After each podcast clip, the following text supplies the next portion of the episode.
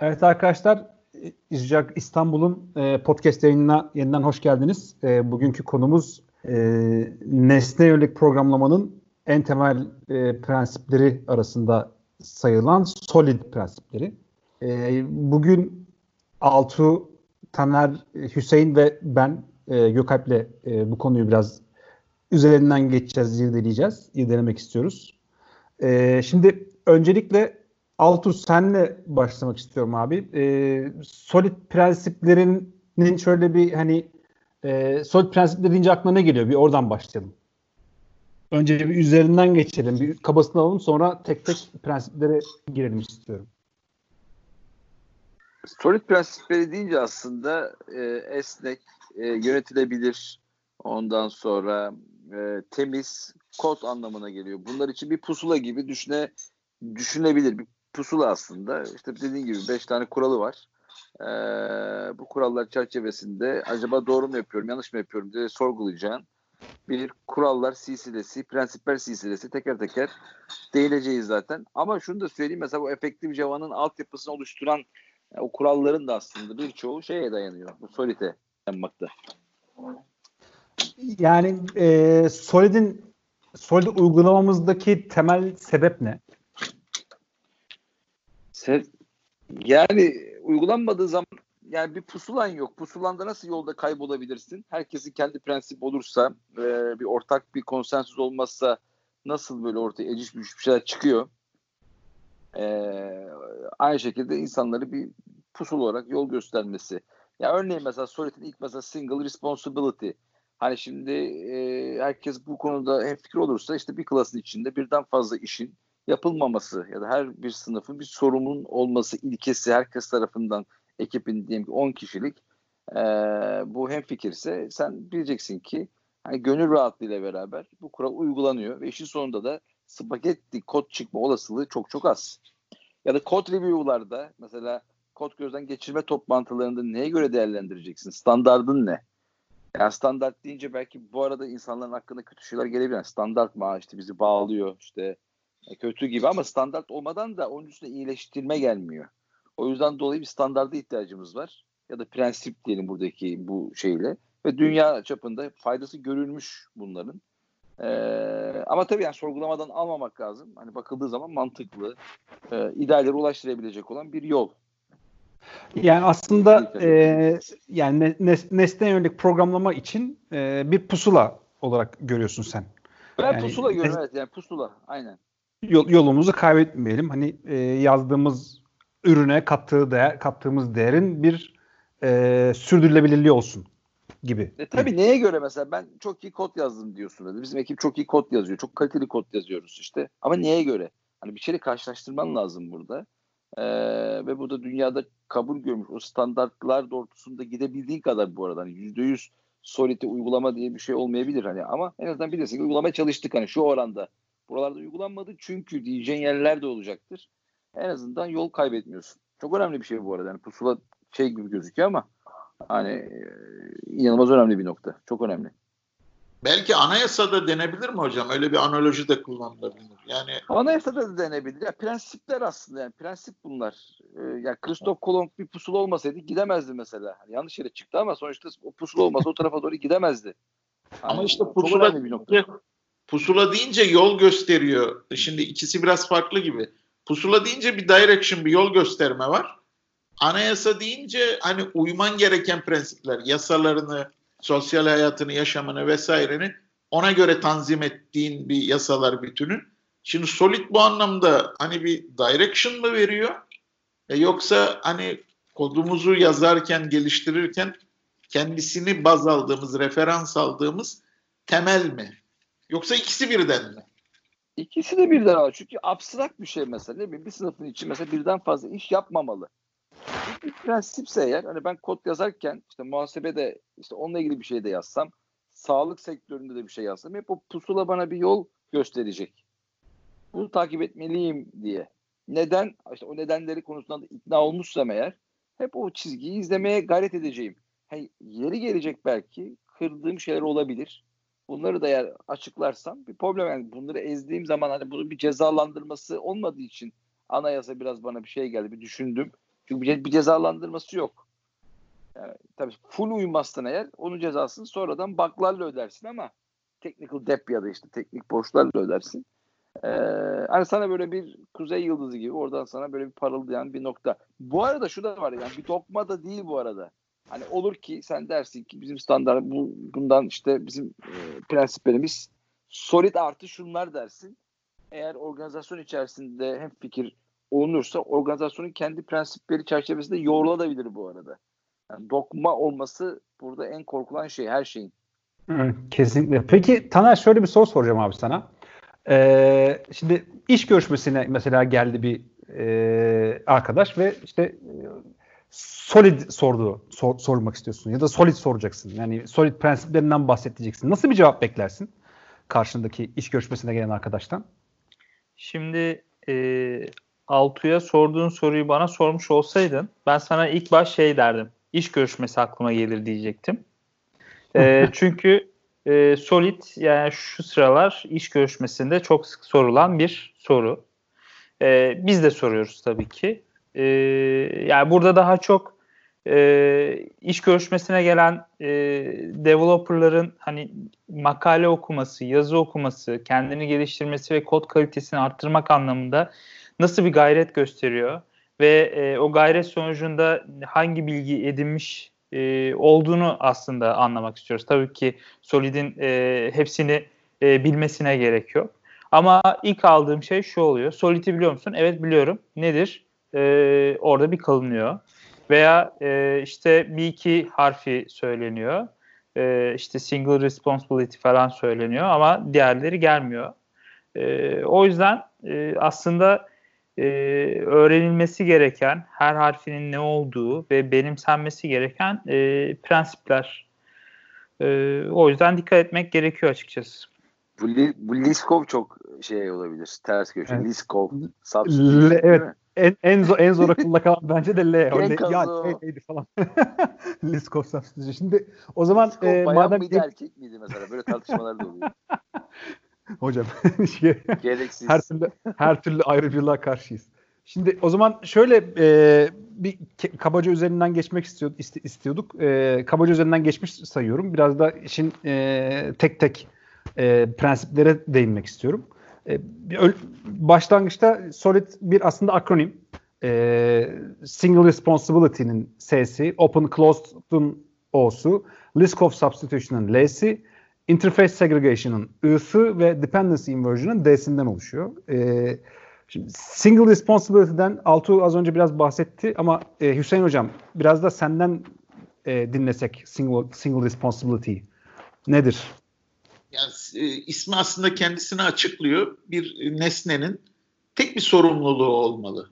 Yani somutlaştırmak gerekirse örneğin e, veri tabana bağlantısı gerçekleştiren bir connection e, sınıfımız var diyelim. Yani bu e, sadece bu işi yapmalı. Bana connection döndürmeli örneğin buna göre tasarlanması. Onun içinde bir de örneğin veri tabanı sorguları, belirli tabloların işte oluşturulması falan gibi işlemler olmamalı. Tek bir sorumluluğu olmalı. Peki neden? Efendim? Neden abi? Yani ben veri tabanı işlemleri yapıyorsam o da dön, veri tabanı işlemleri evet. de tek bir e, sorumluluk olarak görülebilir yani. Şimdi bu tabii bakış açınızla ilgili bir şey. Şimdi nedenin e, tek sorumluluk prensibinde neden sorusunun cevabı her şeyden önce birincisi yalınlık, ikincisi kod bakım ve onarımının e, nasıl diyeyim daha esnek kolay olması. Yani şimdi siz e, örneğin connection döndüren ya da döndürmesi gereken tek sorumluluğu olan olması gereken bir nesne içinde veri tabanı sorguları da yaptığınızı düşünün. Yarın veri tabanınızda örneğin tablolarda, kolonlarda herhangi bir değişiklik yaptığınızı düşünün. Şimdi ana işi bu olmayan bu nesneyi de dönüp bununla ilgili update etmeniz gerekir örneğin. Ee, yazılmış testler ve vesaire varsa hepsi de buna dahil. Şimdi bu e, hani küçük simple bir örnek de daha komplike, karmaşık bir domain içinde hani bunların sıkıntılarını hepimiz gördük, yaşadık. Burada nedenin e, en bence bariz cevabı e, tek sorumlulukla ilgili bakım onarım kolaylığı. Ya Yok, benim şunu diyebilirim. 10 bin satırlık bir kod mesela. Nasıl? Kulağa geliyor mu? Ağzına neden? Hayır. gördüm çünkü yani. 10 bin değil de 1000 gördüm. Şimdi e, şöyle bir şey var. Tabii ki single responsibility denildiği zaman şey deniyor. Hani e, tek bir nedenle e, kod değişikliği yapıyorsan yani kod değişikliği tek bir neden için yapıyorsan single responsibility'yi sağlıyorsun demektir oluyor. E, ama benim görüşüm şu abi yani single responsibility deyip de e, yani bu şeye göre e, değişiyor. Senin e, mimarine göre değişiyor veya senin yaklaşımına göre değişiyor. İlla ki ben bir sınıf sadece bir iş yapacaktır e, diyemem. Çünkü e, bunun bir sürü şeyi var.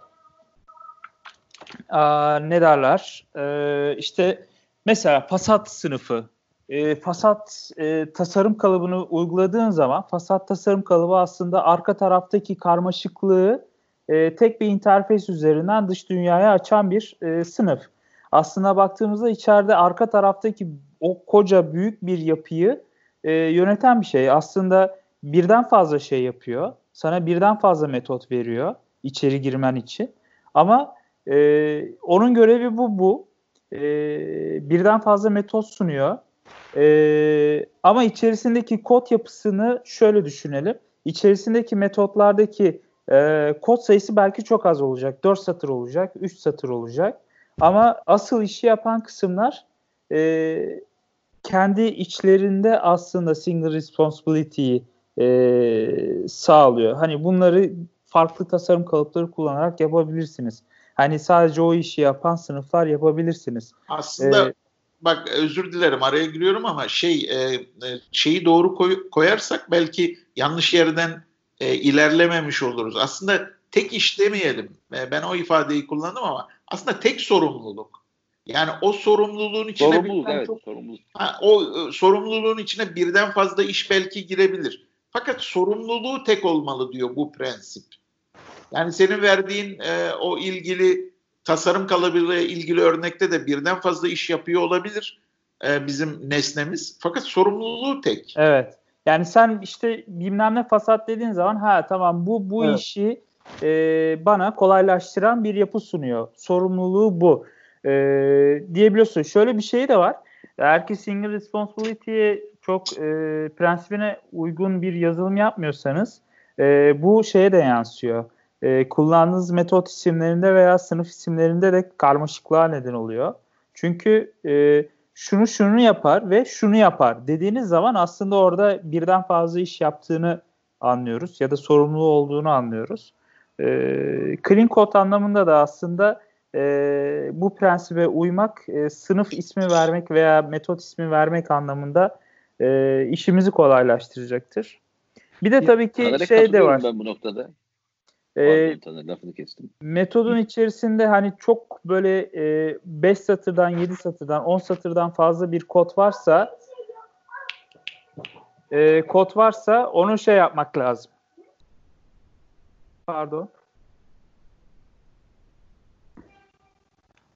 Duyuyor musunuz? Geliyor mu ses? Ee, duyuyoruz evet. Duyuyoruz, duyuyoruz. Evet, şey... e, şimdi şöyle e, tabii metodun içerisindeki kod sayısı çok fazla olduğu zaman hemen orada e, şeyi yapmanız gerekiyor. Yani burada kod karmaşıklığı fazla, single responsible olmayabilir. Hemen orada kod review'da e, yapıştırmanız gerekiyor e, yo, şey yorumunuzu. Ya e, aslında şöyle e, söylediklerinize zaten hani e, kat, katılmak ta, katılmakla birlikte e, solid prensipleri aslında sadece şimdi object oriented programming'in e, ilkeleri diyoruz ama o nesne yönelik programlamanın ilkeleri diyoruz ama aslında sadece nesnelere özgü olmak zorunda değil. Taner'in verdiği örnek o, o açıdan güzel. Yani bir yazdığın yordamın da aslında tek bir sorumluluğu olmalı. Ya da değişmesi için tek bir sebebi olmalı. Ya da bir sınıfın veya belki bir modülün hani veri tabanı ile ilgili bir modül yazıyorsun. Yani işin, işi veri tabanı olacak. Herhangi bir hesaplama yapmasını istemeyeceksin mesela. O yüzden sadece sınıfa indirgemek yerine yazdığımız herhangi bir e, e, modül, sınıf veya paket veya bir yordam bile olabilir ki isim vermek çok önemli bir durum. Ee, hani eğer bir yazdığın bir sınıfa, modüle veya yordama doğru bir ad bulamıyorsan belki de onu yazmaman gerekir derler biliyorsunuz.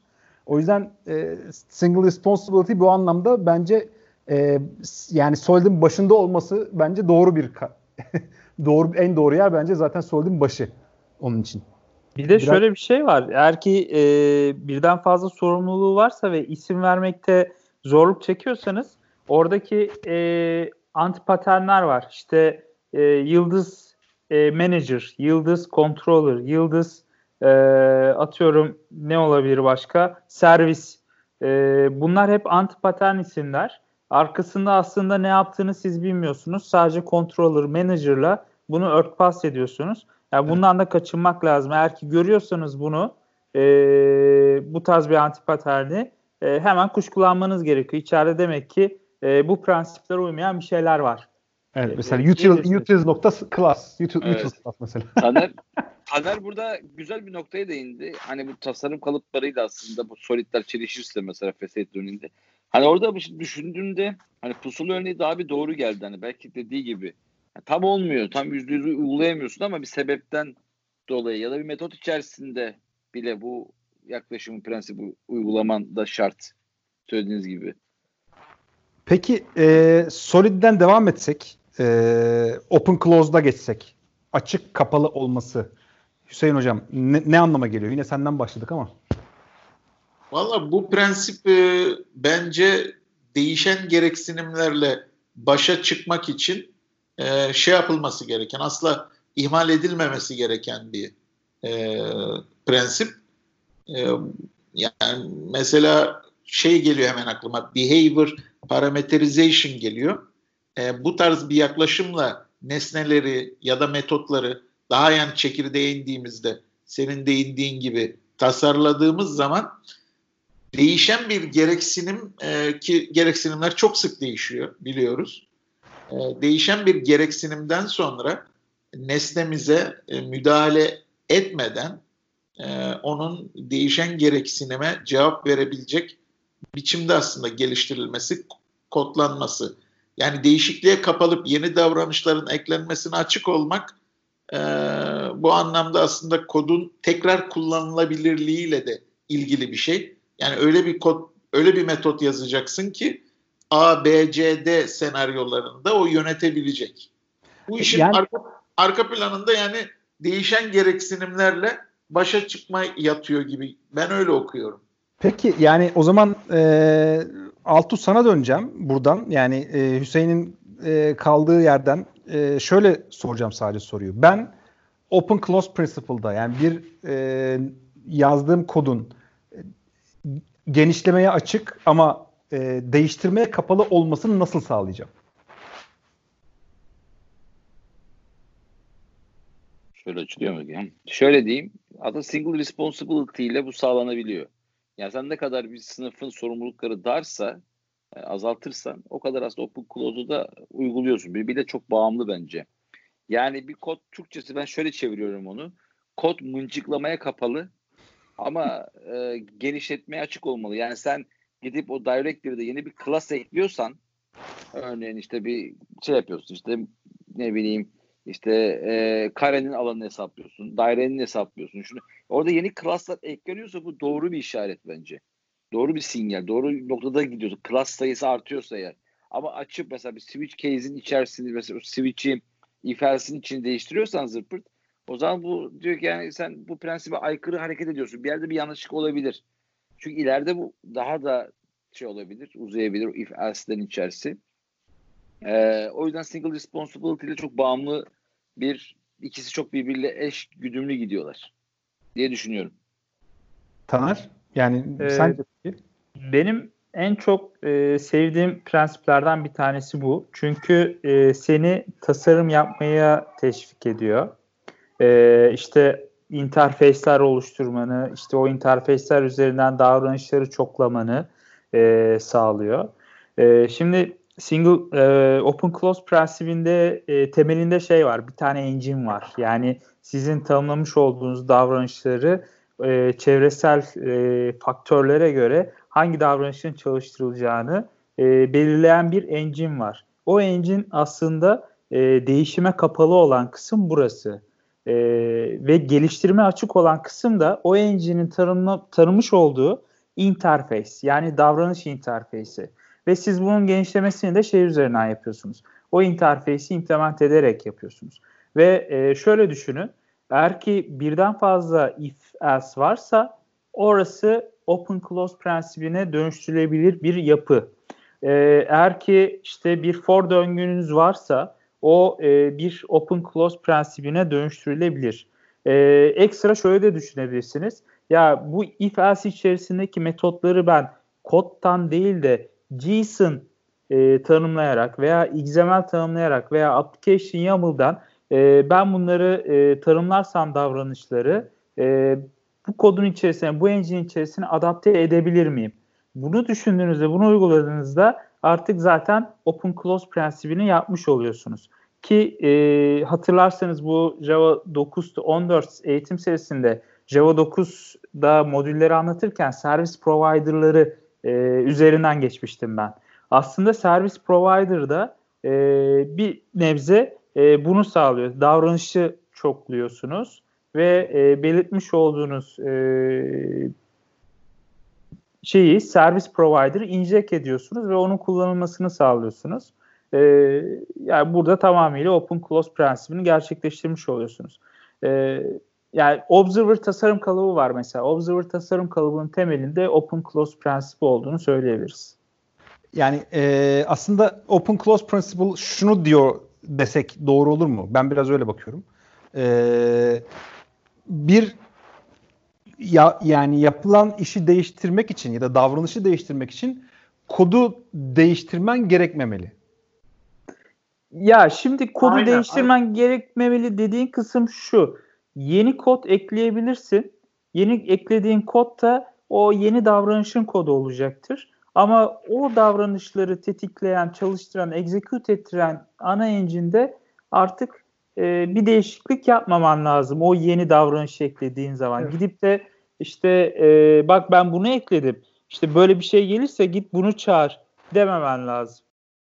Peki o zaman e, bu, bu şeyi de burada bırakalım o zaman Open Close Principle'ını. Şimdi Solid'in S'sini ve O'sunu bitirdik. E, gelelim L'sine. Bundan sonra işler biraz karışıyor. Genelde e, e, böyle iş görüşmelerinde hani S'sini ve O'sunu insanlar kolay hatırlıyor ama L deyince Aa, L ne diye takılıp kalıyorlar.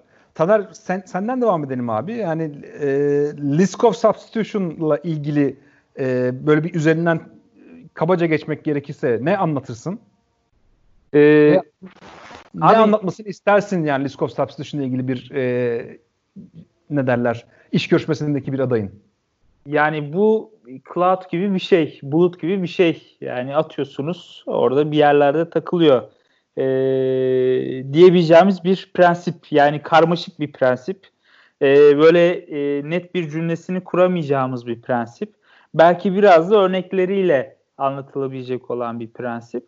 Ama genel yapı şu.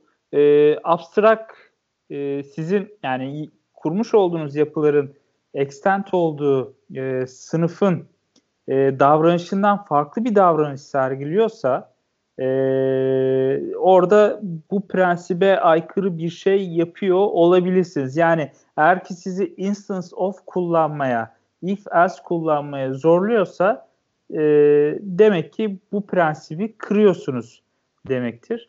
Yani e, en basiti şey e, dikdörtgen kare örneği olacaktır. Ama e, dediğim gibi e, kodlama sırasında e, özellikle abstract class'tan e, türettiğiniz yapılarda e, çok kontrollü olmalısınız. E, bu prensibi kırabilirsiniz. Instance of kullanmak zorunda kalabilirsiniz. E, veya if else. E, özellikle ben şeyi çok tercih etmiyorum artık. Yani e, class inheritance'ını çok tercih etmiyorum. Abstract class oluşturup da işte sınıfları ondan extend etmeyi tercih etmiyorum. Daha çok e, strateji tasarım kalıbını e, kullanıyorum. Yani behavior'ları, davranışları, çeşitliliği dışarı çıkarıyorum. Böylelikle bu prensibe e, kırmak zorunda kalmıyorum. E, yeri geldiğinde de şey oluyorum hani e, bazen zorluyor beni. E, o noktada da biraz daha junior arkadaşlara veriyorum. Siz girin çünkü ben tasarımda şu anda e, sıkıştım kaldım diyorum. Siz benim önümü açın diyorum. Ondan sonra ben onların yazdığı kodları refaktör ediyorum. E, o yüzden biraz tehlikeli bir prensip açıkçası. Vur vur kırbacı gençlere tabii abi böyle. Aynen evet. böyle. Evet. Altu peki peki sana e, sorsam yani list of substitution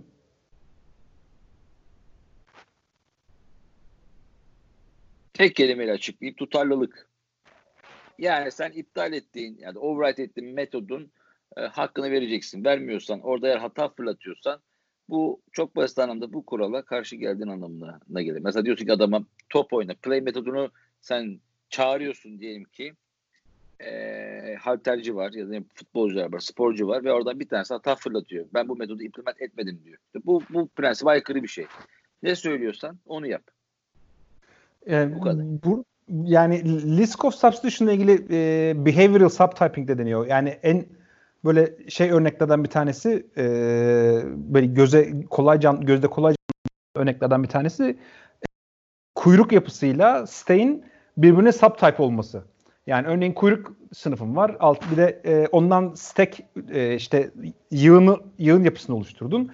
Ama e, mesela kuyruğa add dediğin zaman e, başına ekleyip e, pull dediğin zaman sonundan çekmeyi beklersin.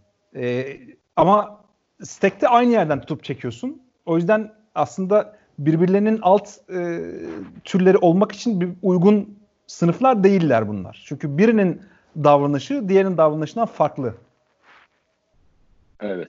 Bir de şöyle bir, de bir şey de var. Istiyorum. Ha, evet hocam. Şunu da sormak istiyorum. Yani mesela instance of kullanmak ne kadar kötü ya da o kadar aslında zaman kaybediyoruz ki yani instance of'ta mı e, bir instance of'a mı kaldık diyen arkadaşlar olmuştu. Hani instance of kullanmak hani kullanmayalım hani bu yüzden dolayı Liskov tercih edilsin gibi bir şey çıktı sanki ortaya. Yani aslında burada bir tartışılabilir. Ama böyle dediğim ben. Tutarlılık benim gözümde Liskov. Şey de var. E, mesela şimdi siz bir metodu override ettiniz ve o metodun 3 tane e, parametresi var. Ama e, implement ettiğiniz e, bir sınıfta e, o metotta dördüncü parametre ihtiyaç duyduğun bazı case'ler olabiliyor. Yani bu durumda ben bunu şey olarak düşünüyorum. E, Liskov e, prensibini kırdığını düşünüyorum. Eğer ki siz o dördüncü e, parametreyi de eklemek için overload ediyorsan, override ettiğin metodu overload ediyorsan e, yine burayı kırmış oluyorsun e, olarak kabul ediyorum. E tabii çünkü ee, davranışı farklı farklılaşmış demek ki. Yani o bir tutarsız Altun dediği gibi bir tutarsızlık var orada. Evet, aynen. Bir de şöyle bir şey var. Şimdi abstract ya da e, süper class'taki bir metodu override edip daha sonra bu süper nokta e, keyword'üyle e, ata e, sınıftaki metodu çağırdığınız zaman yine e, Liskov prensibini kırdığını ben e, düşünüyorum.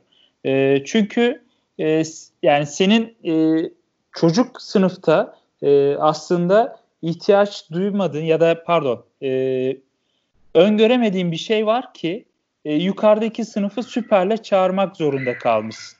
E, bu da e, bu prensibi kırdığını düşünüyorum ben.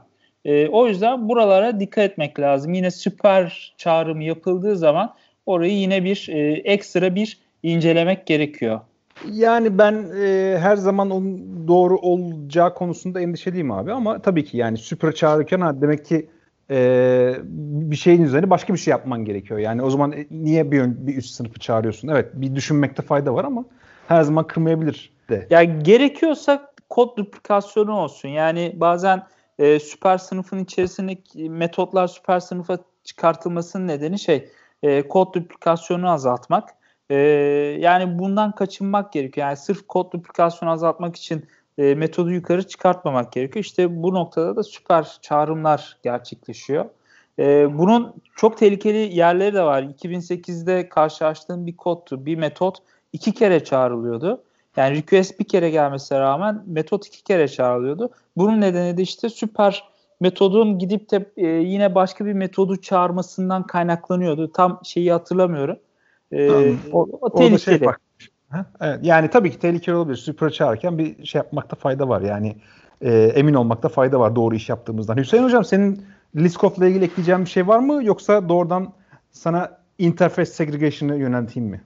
Yani Liskov'la ilgili çok e, bence söylenmesi gereken her şeyi söylediniz ama belki çok basit. Hani daha somut olması açısından.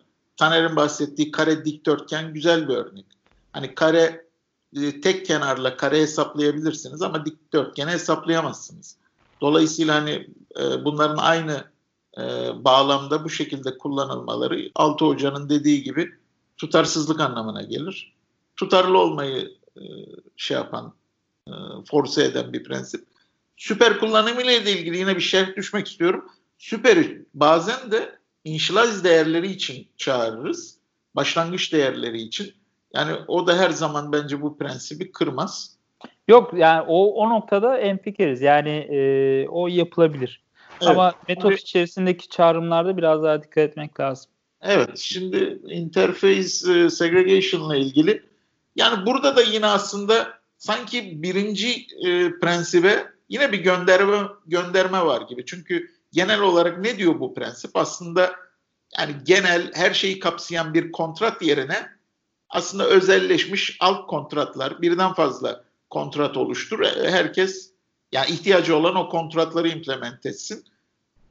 Bu anlamda e, hani bir tekrar gibi değil ama birinci single responsibility'ye de sanki bir refere ediyor bu e, interface segregation diye düşünüyorum. Bana bana biraz şey gibi geliyor. Yani single responsibility ile tam böyle dependency inversion'ın e, kesişim noktasında kalıyor gibi geliyor ve benim en e, sevdiğim diyeceğim ama e, ya böyle gerçekten sadece böyle sev, sevmek anlamında değil. En e, pozitif katkısı olan e, şey, şey bence e, prensip bence interface segregation. E, çünkü hani Hüseyin'in de dediği gibi bir tane büyük interface ya da bir tane işte büyük sınıfı e, inter, interface'e bağlı yani olmak genel yerine genel kontrat diyelim aslında. Public evet, genel kontrat. aynen genel kontrat yerine küçük küçük kontratlar ya da kontratçıklar oluştur ki çünkü e, bu sefer herkes kendi ihtiyacı olan neyse onu alsın. Buraya mesela şey güzel bir örnek. Yani mesela bir Java'da collections şey var, interface'i var. Bir de list interface'i var. Yani list interface'i collection'dan e, extend oluyor. Ama mesela liste sort metodu var. Collection'da yok. Yani collection'ın sıralı olması gerekmiyor. Ama listin sıralı olması gerekiyor demek ki. Eğer sıralı bir listeye ihtiyacın varsa list kullan. Sırası, sıraya ihtiyacın yoksa collection kullan. Aynen evet. Ya benim e, ekleyeceğim şey şu. Aslında bu bizi biraz daha tasarıma zorluyor. E, tasarım evet. için vakit harcamamız, e, kafa yormamıza neden oluyor. Çünkü öbür türlü e, şey vardır, anemic programming vardır. E, hani ne Allah ne verdiyse yazarsın. Biraz böyle gerilla e, coding'e benzer. E, yani tasarım yapmadan, analiz yapmadan, tasarım yapmadan e, kodlama. Şimdi siz bir servisi, bir interfezin içerisinde bütün metotları tanımlarsanız ve bundan extend ettiğiniz bir sınıf e, ihtiyacı olmayan bir sürü metodu implement etmek zorunda kalacak ve az önce Altun'un dediği gibi hani o Liskov e, prensibine şey demişti hani e, exception fırlayacak yani bu operasyon desteklenmiyor exception'ı fırlayacak, fırlatacak bir metodu ben niye e, implement edeyim e, şeklinde e, parçalamak gerekiyor. Biraz daha kafa yormak gerekiyor. Tasarım yapmak gerekiyor. E, büyük sınıflardan kaçınmak lazım. Büyük interface'lerden kaçınmak gerekiyor. Altu senin eklemek istediğin bir şey var mı?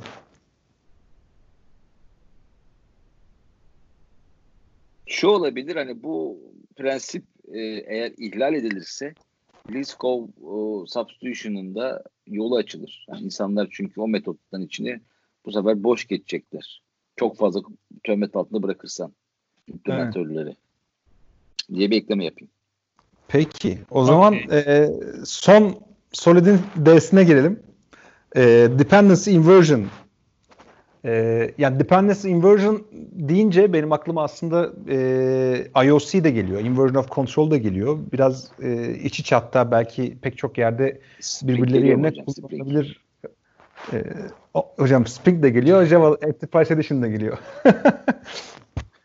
yani e, dependency inversion bir sınıf veya modülün ya da yazılan bir kodun e, somutluluk, somut sınıflara değil e, soyut interfeyslere dayandırılması, onlara bağımlı kılınması anlamına geliyor. Altu ne eklemek, neyle başlamak istersin abi dependency inversion'a? Yani aslında günümüzdeki örneklerle hani firma bağımlılığı değil sözleşmeyle sözleşmeye bağlı gitmek daha esnek kılacaktır sizi. Yine kodun esnekliğiyle alakalı yönetimini kolay kılmak adına. Yani örnek basit işte liste siz referans liste. Oradaki polimorfizm list var. İşte gerek array listede yaparsın link listede bağlarsın. İmplementörden bağımsız bir hale getiriyor sizi. Özgürleştiriyor tabii ki bu. Ee, o yüzden önemli çok önemli bir nokta. Önemli çünkü yani. Çünkü yani ben aslında bana bir liste lazım ben liste arka tarafta dizi içinde mi tutuyor yoksa bağlı liste mi tutuyor kuyruk mu tutuyor benim umurumda değil yani bana liste lazım sıralı bir liste aynen. ver bana ve sıralayacağız. Polimorfizm bir de çok rahat kullanabilirsin aynen. Yani polimorfizm kullanmana da teşvik ediyor ve ya seni özgürleştiriyor aslında evet. Yani bugün ona yarın bugün farklı bir implementasyon yazıldı örneğin veri tabanıyla ilgili. Hiç sen kodunu değiştirmeden hop dediğimiz oradaki implementasyonu işte orada injection yapıp kullanabilirsin. Çok rahat edersin yani.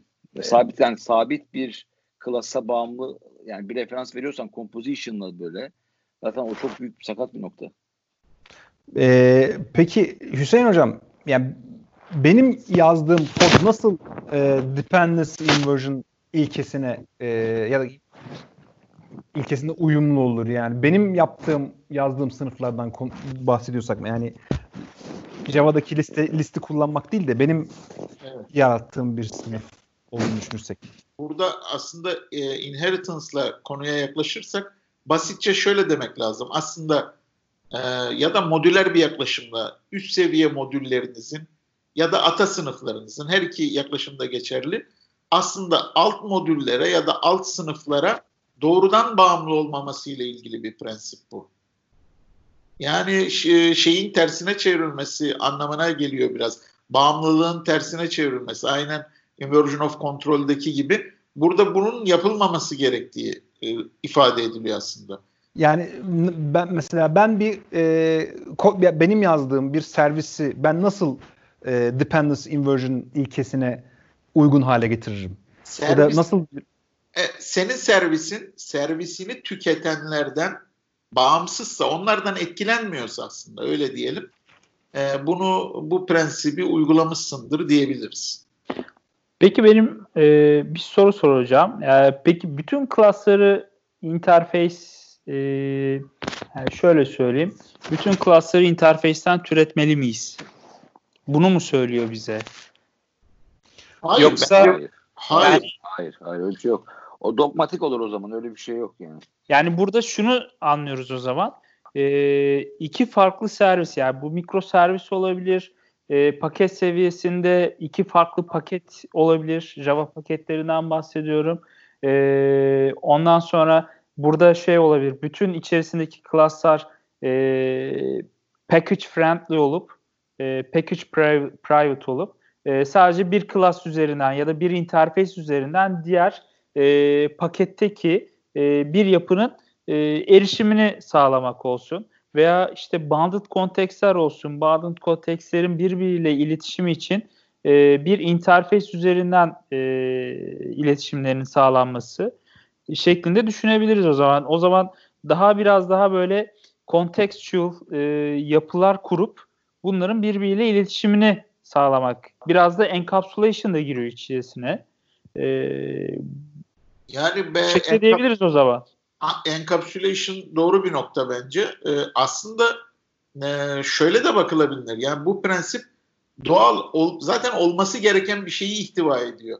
Şimdi şöyle düşünün. Gene basite indirgeyelim. Ee, insan e, insan diye bir üst klasımız var. Bunu extend eden erkek var, kadın var diyelim.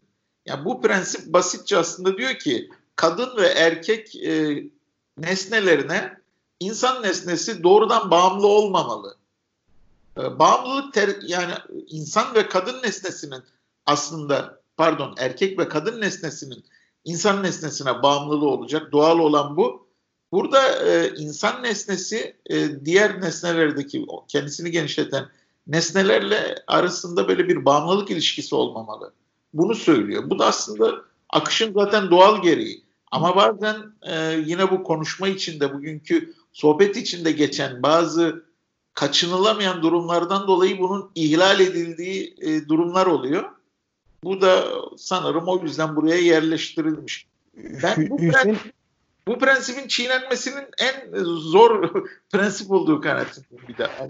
Ee, ben şeyi de söyleyeyim hani aslında dependency inversion biraz da senin verdiğin örnekte hani e, kadın ya da erkek olduğuna değil insan olduğuna bakarak işte mesela karşında insanla yani mesela konuşuyorsun.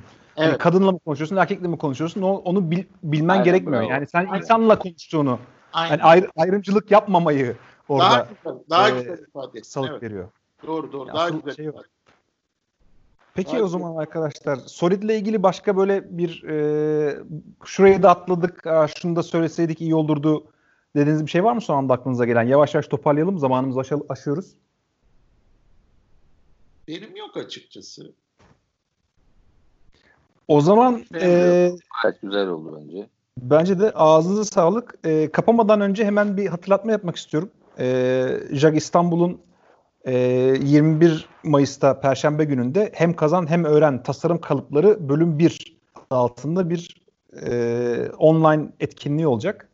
E, Altu bu etkinlikten böyle kısaca böyle bir dakika falan bahsetsen Şöyle yapacağız. Yani e, Kaut üstünden gerçekleşecek. İsmini doğru telaffuz edemiyor, ediyor muyum? Emin de, değilim ama orada soru soracağız. Diyeceğiz ki buradaki sizce bu soruda hangi tasarım kalıbı uygulanırsa iyi olur? Ondan sonra cevapları e, toplayacağız. Hemen akabinde o soruyu gerçekleştireceğiz. Diyeceğiz ki bundan dolayı şu tasarım kalıbı kullanıldı e, ve onun açıklamasını o şekilde yapacağız. Sonra diğer soruya geçeceğiz. Diğer soruya geçeceğiz. Bilen kişi ya da kişilere de e, JetBrains lisansını vereceğiz. Oo, JetBrains tane. süper. Evet. Peki süper. O zaman 21 Mayıs. Herkes e, takvimlerine işaretlesin. 21 Mayıs 2020 Tabii bu podcast ilaki tarihte dinleyenler varsa kaç, kaç, ama. kaçırmış olurlar. evet, zamanda, evet. zamanda takip edin podcastimizde. evet, evet. Peki arkadaşlar teşekkür ederim hepinize e, katıldığınız için. E, bence güzel, evet. keyifli bir sohbet oldu. E, aydınlatıcı da olduğunu umuyorum e, yazılımcı arkadaşlara. E, arkadaşlar bir sonraki podcast yayınımızda e, görüşmek üzere. Esen kalın.